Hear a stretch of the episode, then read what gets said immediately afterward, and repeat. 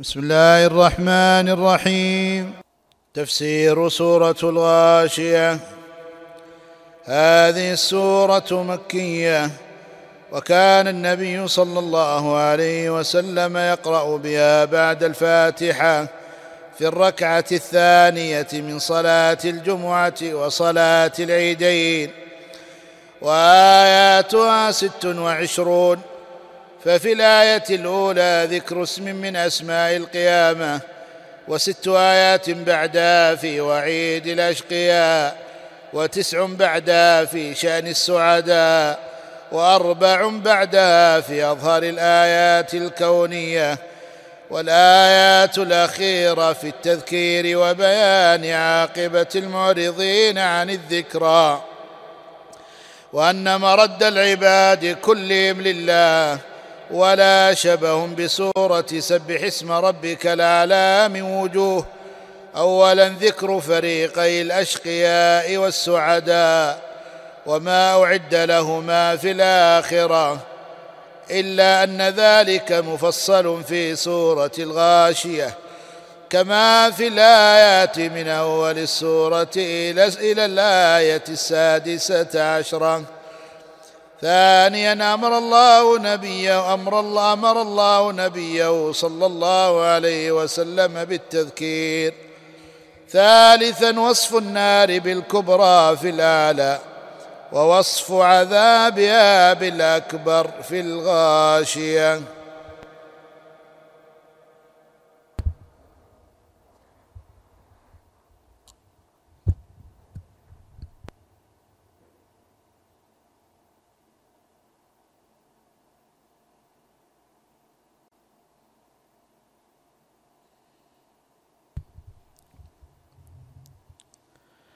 الآيات.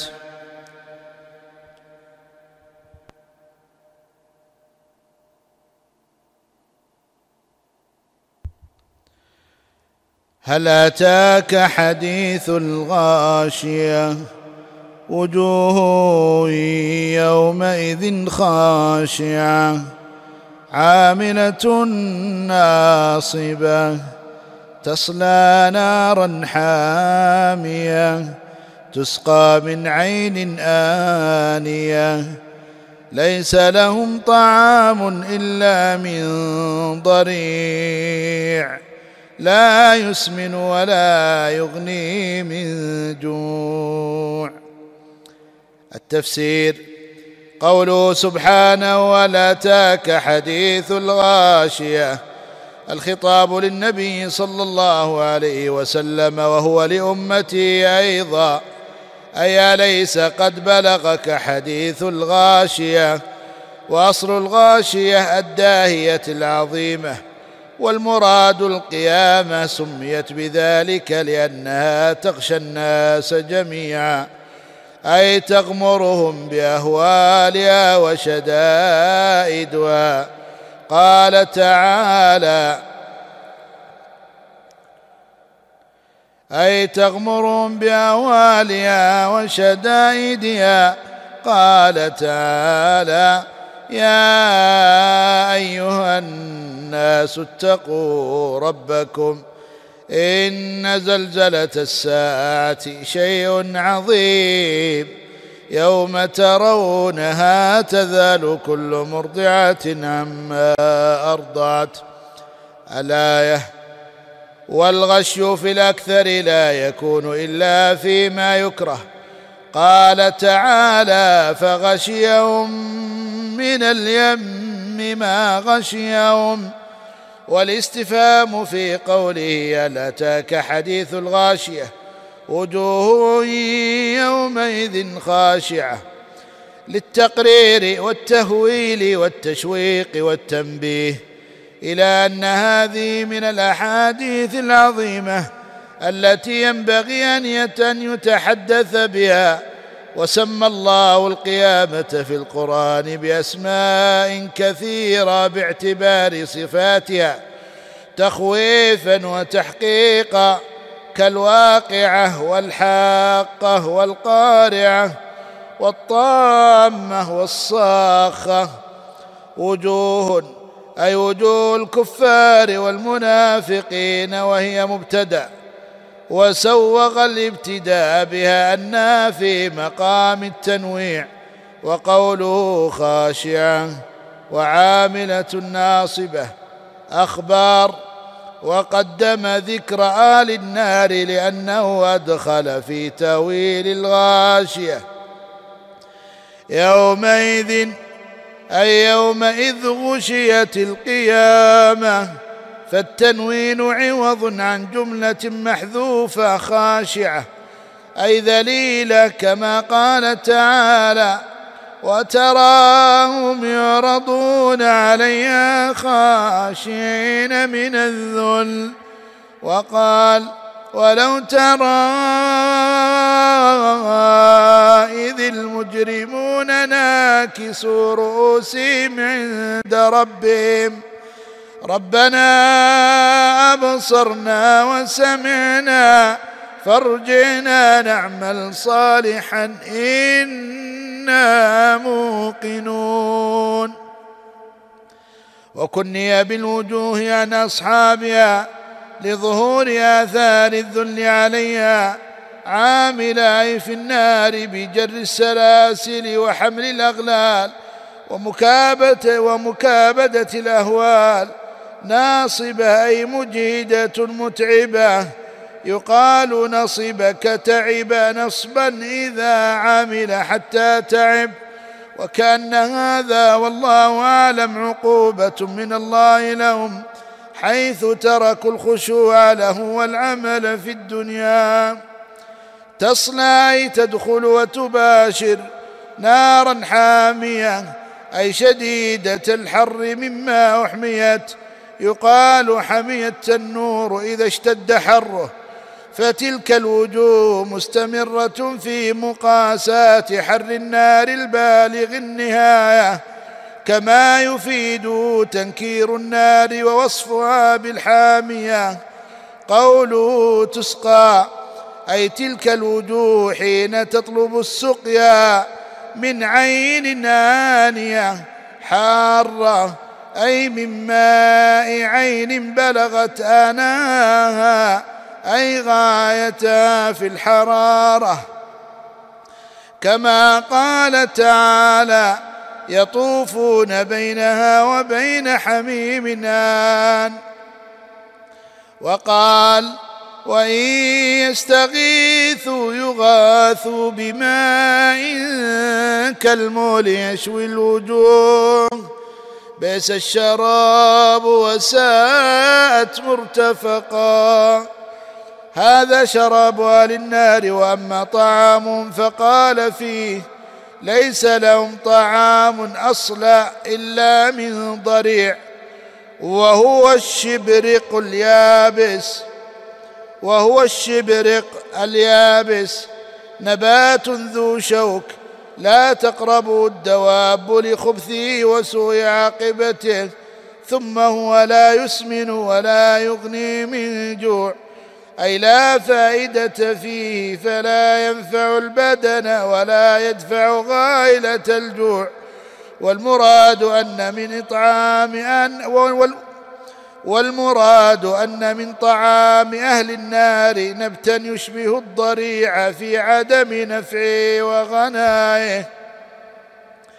وإن لم يكن مثله في حقيقته كما هو الشأن في سائر حقائق الآخرة مع حقائق الدنيا بل هو طعام غاية في الخبث وفي سوء تجرعه والقصر في الآية للتأكيد والقصر في الآية للتأكيد فهو إضافي أي نسبي بدليل أنه جاء في القرآن أن من طعام أهل النار الغسلين والزقوم ويحتمل أن المعذبين على طبقات والعذاب ألوان فمنهم من طعامه الضريع.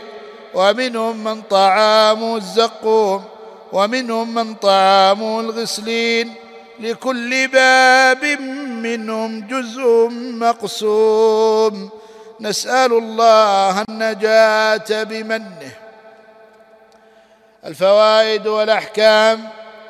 اولا التنبيه إلى عظم شأن القيامة. ثانيا أن من أسماء القيامة الغاشية.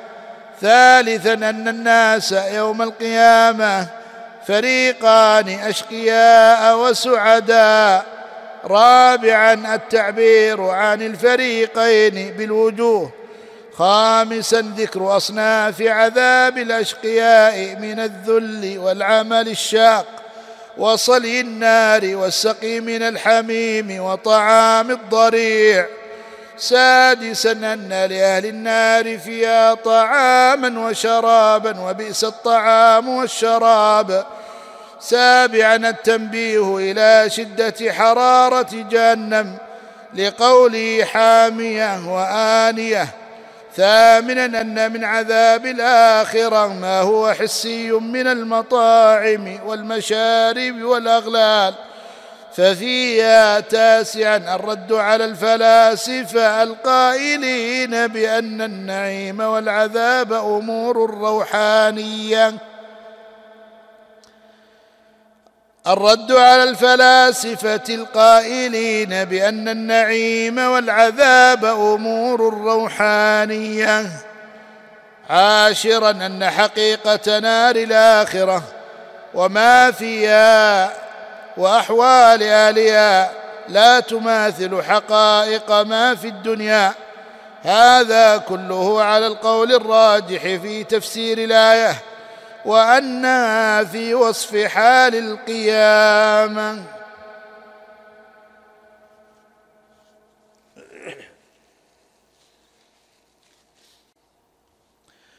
ولما ذكر الله أحوال الكافرين وما أعده من وما أعده لهم من العذاب والنكال وما أعده لهم من العذاب والنكال في النار أتبعه بذكر أحوال المؤمنين وما هيأ لهم من النعيم في الجنة جميعا وما هيأ لهم من النعيم في الجنة جمعا بين الزجر والترغيب.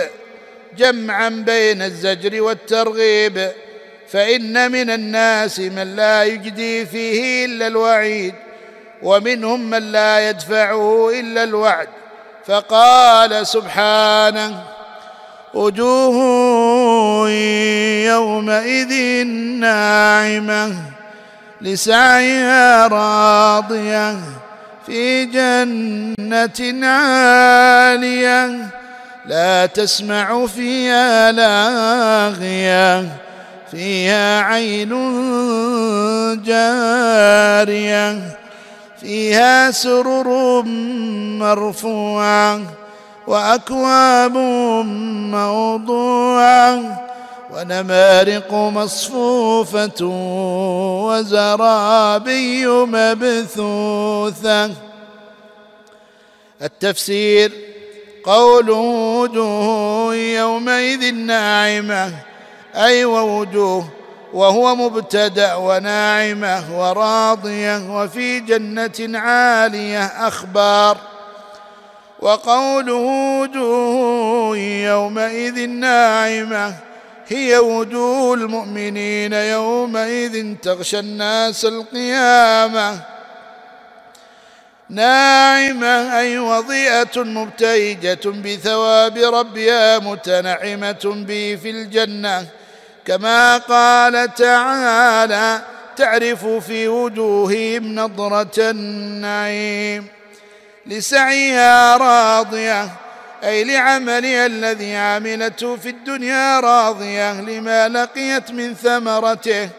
فاللام متعلقة براضية والتقدير راضية لسعيها واللام لتقوية التعدية لضعف اسم الفاعل عن العمل في الفعل ولضعفه أيضا بتقديم المعمول.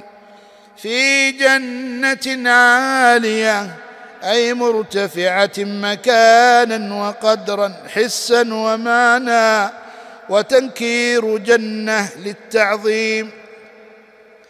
لا تسمع فيها لاغية الخطاب لكل من يصلح له أي لا تسمع فيها لغوا كما قال تعالى لا يسمعون فيها لغوا ولا تاثيما إلا قيلا سلاما سلاما. وقرأ ابن كثير وأبو عمرو ورويس عن يعقوب لا تسمع فيها لاغية ببناء الفعل للمفعول ورفع لاغية وفي الآية دلالة على أن الجنة دار كرامة بريئة من الباطل وفيها إشارة إلى أن المؤمن عليه أن ينهى بنفسه عن اللغو والباطل.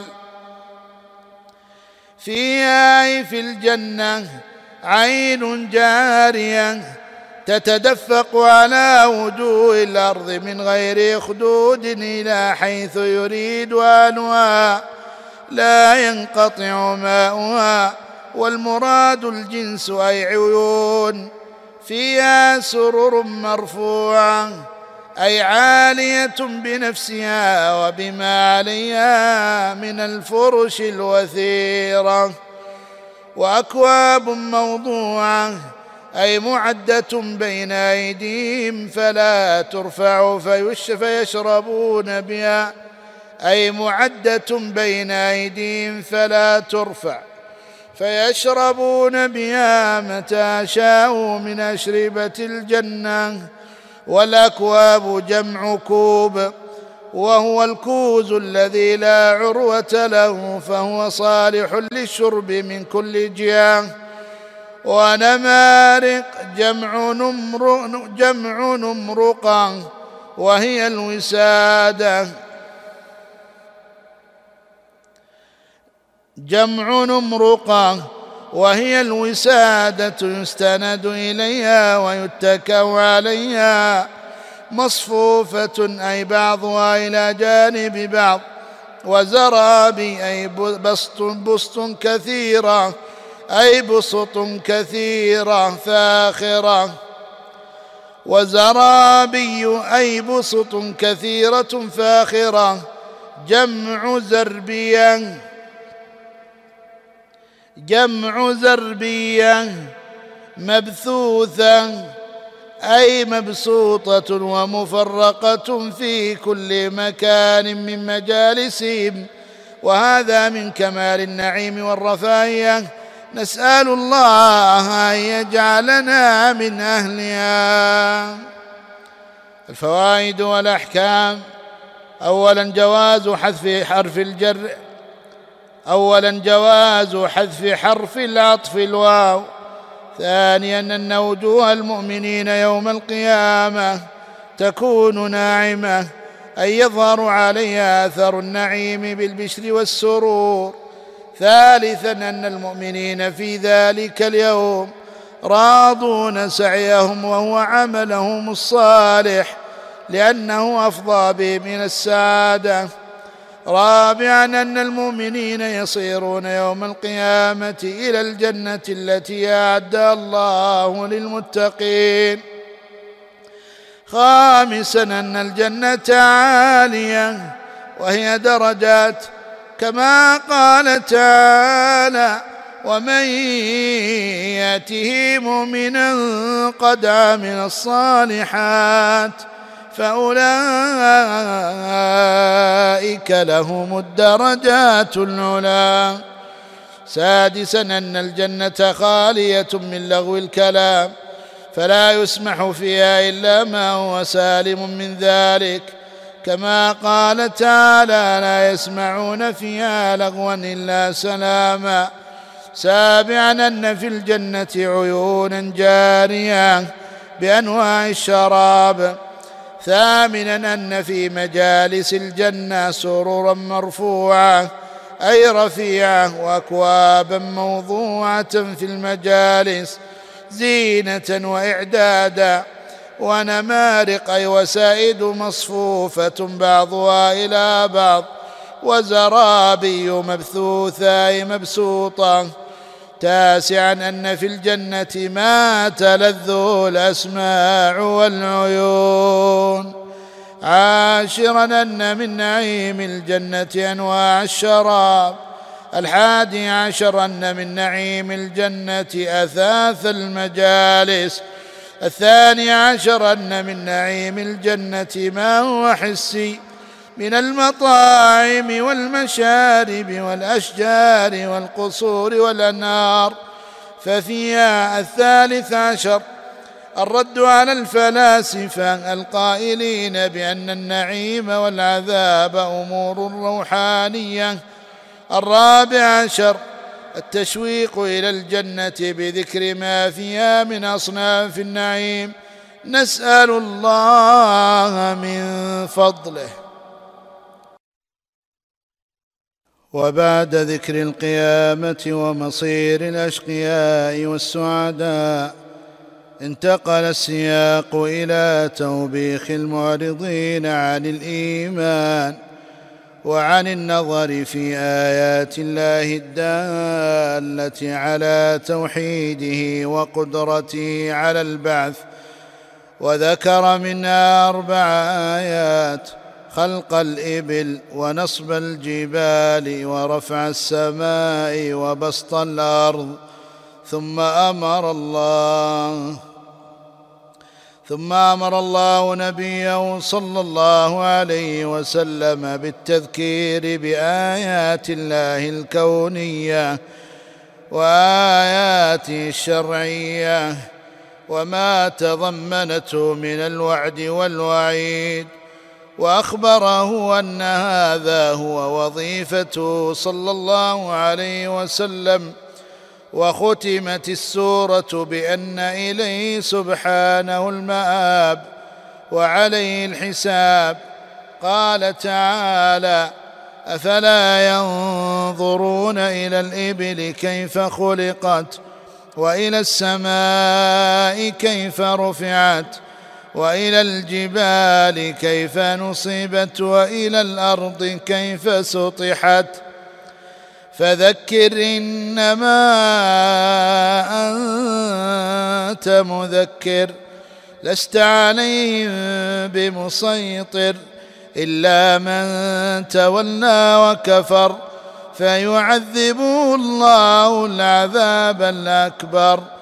إن إلينا إيابهم ثم إن علينا حسابهم. التفسير.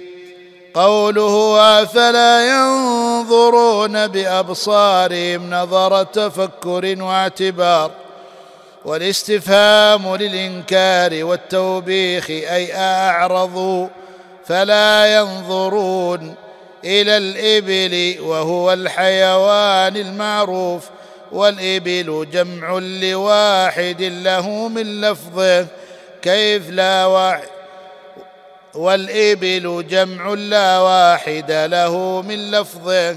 كيف خلقت هذا الخلق البديع العجيب في عظم جسمها وشدة قوتها؟ بحيث تحمل عليها الأحمال وهي باركة ثم تقوم بيسر وهي آية في الصبر على الجوع والعطش أياما. وترعى كل نبات كثيرة المنافع بحيث يشرب لبنها ويؤكل لحمها ويلبس من وبرها وتنقاد للكبير وهو الصغير وتنقاد للكبير والصغير وهي أنفس أموال العرب. وإلى السماء كيف رفعت أي بلا عمد وما زينت به من النجوم والشمس والقمر وإلى الجبال الشامخة. كيف نصبت أي جعلت منتصبة على وجه الأرض نصبا ثابتا. فصارت لها كالأوتاد ويلوذ بها الناس ويتخذونها علاما للطرق ويتخذون منها بيوتا. وإلى الأرض كيف سطحت أي بسطت ومهدت.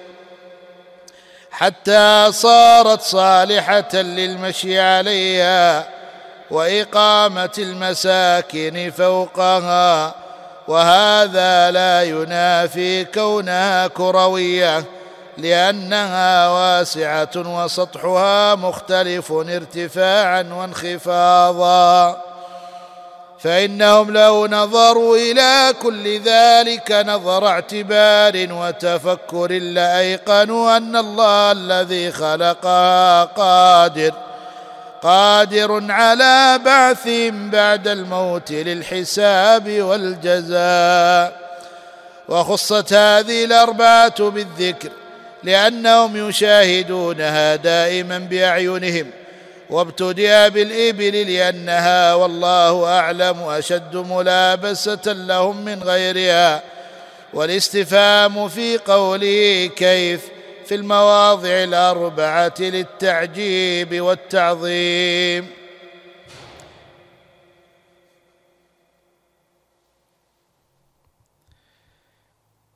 والاستفهام في قوله كيف في المواضع الأربعة للتعجيب والتعظيم.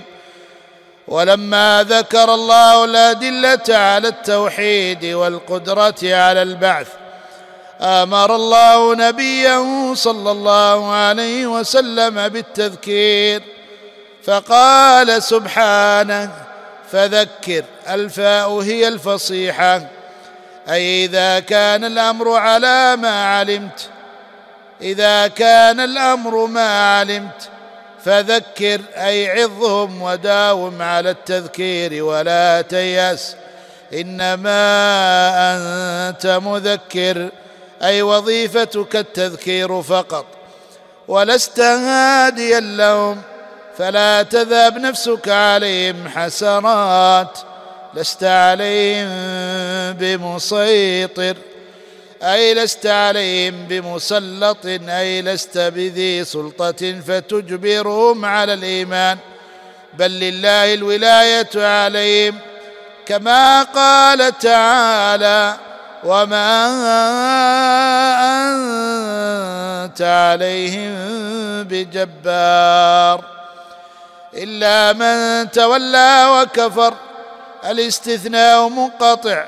أي لكن من أعرض عن الإيمان وأصر على كفره ومن مبتدأ مضمن معنى الشرط ولذا وقرن الخبر ولذا قرن الخبر بالفاء في قوله فيعذبه الله العذاب الأكبر أي عذاب النار. ووصف ووصفه بالأكبر. ووصفه بالأكبر لأنه قد بلغ الغاية في الشدة وكل عذاب نالهم في الدنيا فهو دونه. إن إلينا إيابهم أي رجوعهم بعد الموت إلينا لا إلى غيرنا. ثم إن علينا حسابهم.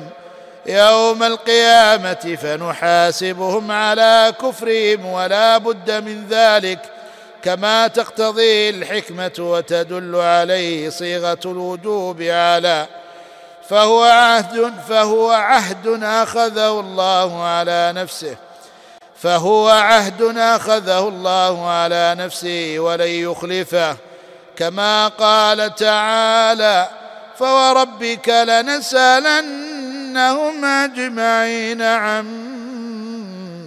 كانوا يعملون. وقال الله لا إله إلا هو ليجمعنكم إلى يوم القيامة لا ريب فيه. وفي الآيتين وعيد وتهديد للكافرين. الفوائد والأحكام. اولا أن خلق الإبل من عظيم الآيات. كيف هي مهيئة في خلقتها للركوب والحمل؟ ومذللة للإنسان مع ما فيها من المنافع اكلا وشربا. ثانيا أن من آيات الله خلق السماوات ورفعها وتزيينها بالنجوم. ثالثا أن من آيات الله نصب الجبال وما في ذلك من تشبيث وما في ذلك من تشبيت وما في ذلك من تثبيت الأرض وما في ذلك من تثبيت الأرض فهي لها كالأوتاد. وفيها من المنافع ما أودعه الله فيها من المعادن المختلفة. رابعا أن من آيات الله سطح الأرض وهو بسطها للقرار عليها ولذلك سميت مهادا وفراشا. وفي جوفها وسطحها ما لا يحصى من النعم والآيات. وفي الأرض آيات للموقنين. خامسا وجوب التذكير بالله وآياته ووعده ووعيده. سادسا أن التذكير عام لجميع الناس كما يدل عليه حذف المفعول به في قوله فذكر. سابعا أن التذكير وظيفة الرسول صلى الله عليه وسلم بالتبشير والإنذار. كما قال تعالى وما أرسلناك إلا كافة للناس بشيرا ونذيرا. وما أرسلناك إلا كافة للناس بشيرا ونذيرا. ثامنا أن الرسول صلى الله عليه وسلم ليس مسلطا على الكفار بالقتل والقتال وعلى هذا فتكون الآية منسوخة بآيات الجهاد. تاسعا أن الرسول صلى الله عليه وسلم ليس مسلطا على الكفار بالإكراه على الإسلام ويؤيد قوله تعالى لا إكراه في الدين. عاشرا أن من أعرض عما جاء به الرسول. أن من أعرض عما جاء به الرسول صلى الله عليه وسلم وكذب به فسيعذبه الله العذاب الأكبر وهو عذاب النار الكبرى. كما قال تعالى ويتجنبها الأشقى الذي يصلى النار الكبرى. الحادي عشر أن جميع العباد راجع إلى الله وذلك بالموت ثم بالبعث من القبور. الثاني عشر إثبات البعث والحساب والجزاء بالثواب والعقاب. الثالث عشر إثبات الجنة والنار. رابعا أن الله أوجب على نفسه حساب الخلق لقوله إن علينا حسابهم. الخامس عشر تقديم الغاية على الوسيلة في الذكر لأنها أهم يدل لذلك تقديم الوعد والوعيد على الأمر بالتذكير والوعد بالحساب.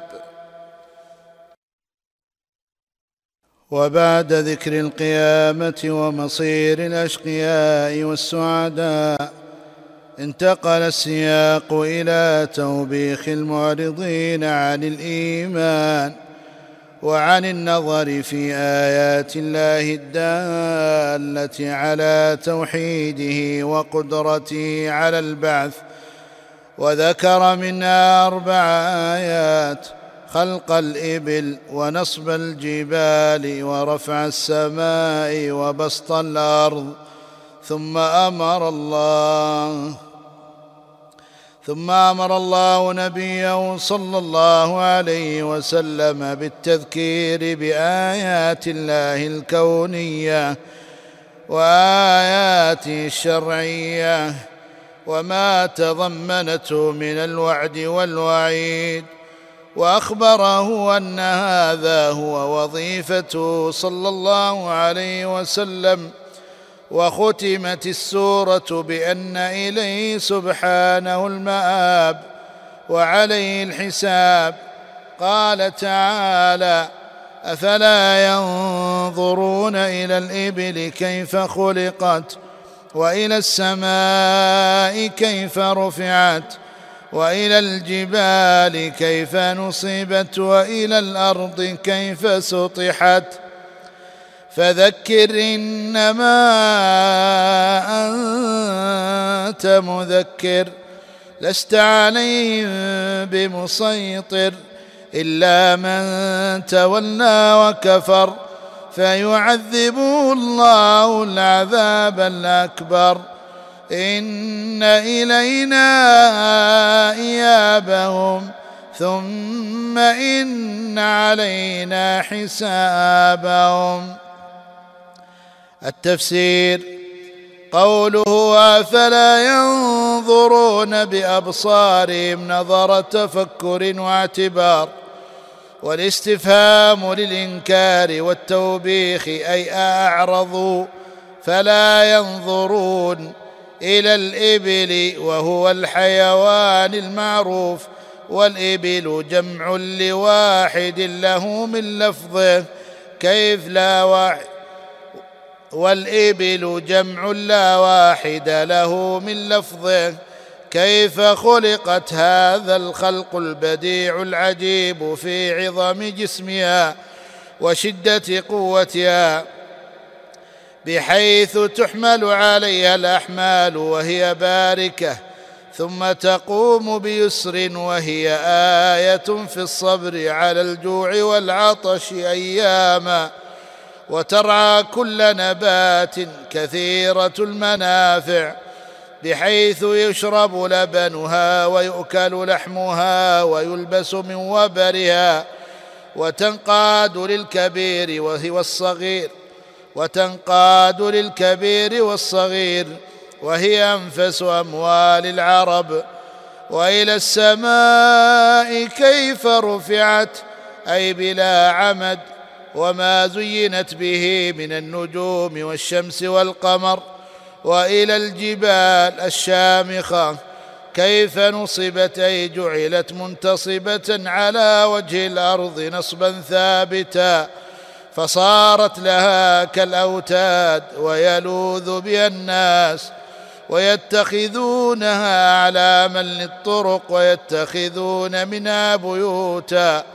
وإلى الأرض كيف سطحت أي بسطت ومهدت حتى صارت صالحة للمشي عليها وإقامة المساكن فوقها وهذا لا ينافي كونها كروية لأنها واسعة وسطحها مختلف ارتفاعا وانخفاضا. فإنهم لو نظروا إلى كل ذلك نظر اعتبار وتفكر لايقنوا أن الله الذي خلقها قادر قادر على بعثهم بعد الموت للحساب والجزاء. وخصت هذه الأربعة بالذكر لأنهم يشاهدونها دائما بأعينهم. وابتدأ بالإبل لأنها والله أعلم أشد ملابسة لهم من غيرها والاستفهام في قوله كيف؟ في المواضع الأربعة للتعجيب والتعظيم.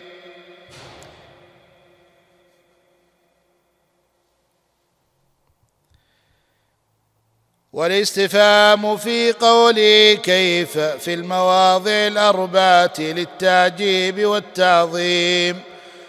ولما ذكر الله الأدلة على التوحيد والقدرة على البعث آمر الله نبيه صلى الله عليه وسلم بالتذكير فقال سبحانه فذكر الفاء هي الفصيحة. أي إذا كان الأمر على ما علمت إذا كان الأمر ما علمت فذكر أي عظهم وداوم على التذكير ولا تيأس. إنما أنت مذكر أي وظيفتك التذكير فقط. ولست هاديا لهم فلا تذهب نفسك عليهم حسرات. لست عليهم بمسيطر. أي لست عليهم بمسلط أي لست بذي سلطة فتجبرهم على الإيمان. بل لله الولاية عليهم كما قال تعالى وما أنت عليهم بجبار إلا من تولى وكفر الاستثناء منقطع. أي لكن من أعرض عن الإيمان وأصر على كفره. ومن مبتدأ مضمن معنى الشرط. ولذا وقرن الخبر ولذا قرن الخبر بالفاء في قوله. فيعذبه الله العذاب الأكبر أي عذاب النار. ووصف ووصفه بالأكبر. ووصفه بالأكبر لأنه قد بلغ الغاية في الشدة وكل عذاب نالهم في الدنيا فهو دونه. إن إلينا إيابهم أي رجوعهم بعد الموت إلينا لا إلى غيرنا. ثم إن علينا حسابهم. يوم القيامة فنحاسبهم على كفرهم ولا بد من ذلك كما تقتضي الحكمة وتدل عليه صيغة الوجوب على فهو عهد فهو عهد أخذه الله على نفسه فهو عهد أخذه الله على نفسه ولن يخلفه كما قال تعالى فوربك لنسالنهم أجمعين عما كانوا يعملون.